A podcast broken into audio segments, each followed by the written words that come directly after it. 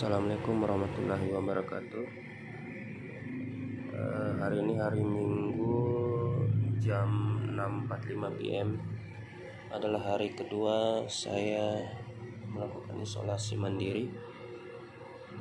Uh, setelah meminum banyak obat yang diberikan lebih banyak vitamin ya multivitamin dan obat flu dan sakit kepala. Hari ini badan saya sudah lumayan baik.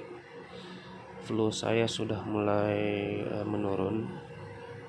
Hanya masih agak ngilu-ngilu sedikit di bagian belakang. Uh, setelah semuanya mulai membaik nanti saya akan mencoba untuk uh, swab lagi untuk memastikan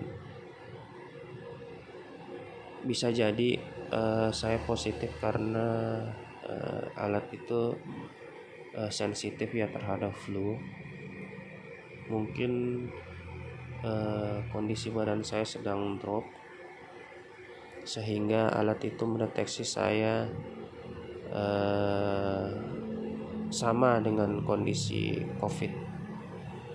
Nah dari itu saya mencoba isolasi mandiri uh, membuat badan saya kembali pulih lalu saya akan melakukan uh, tes swab lagi.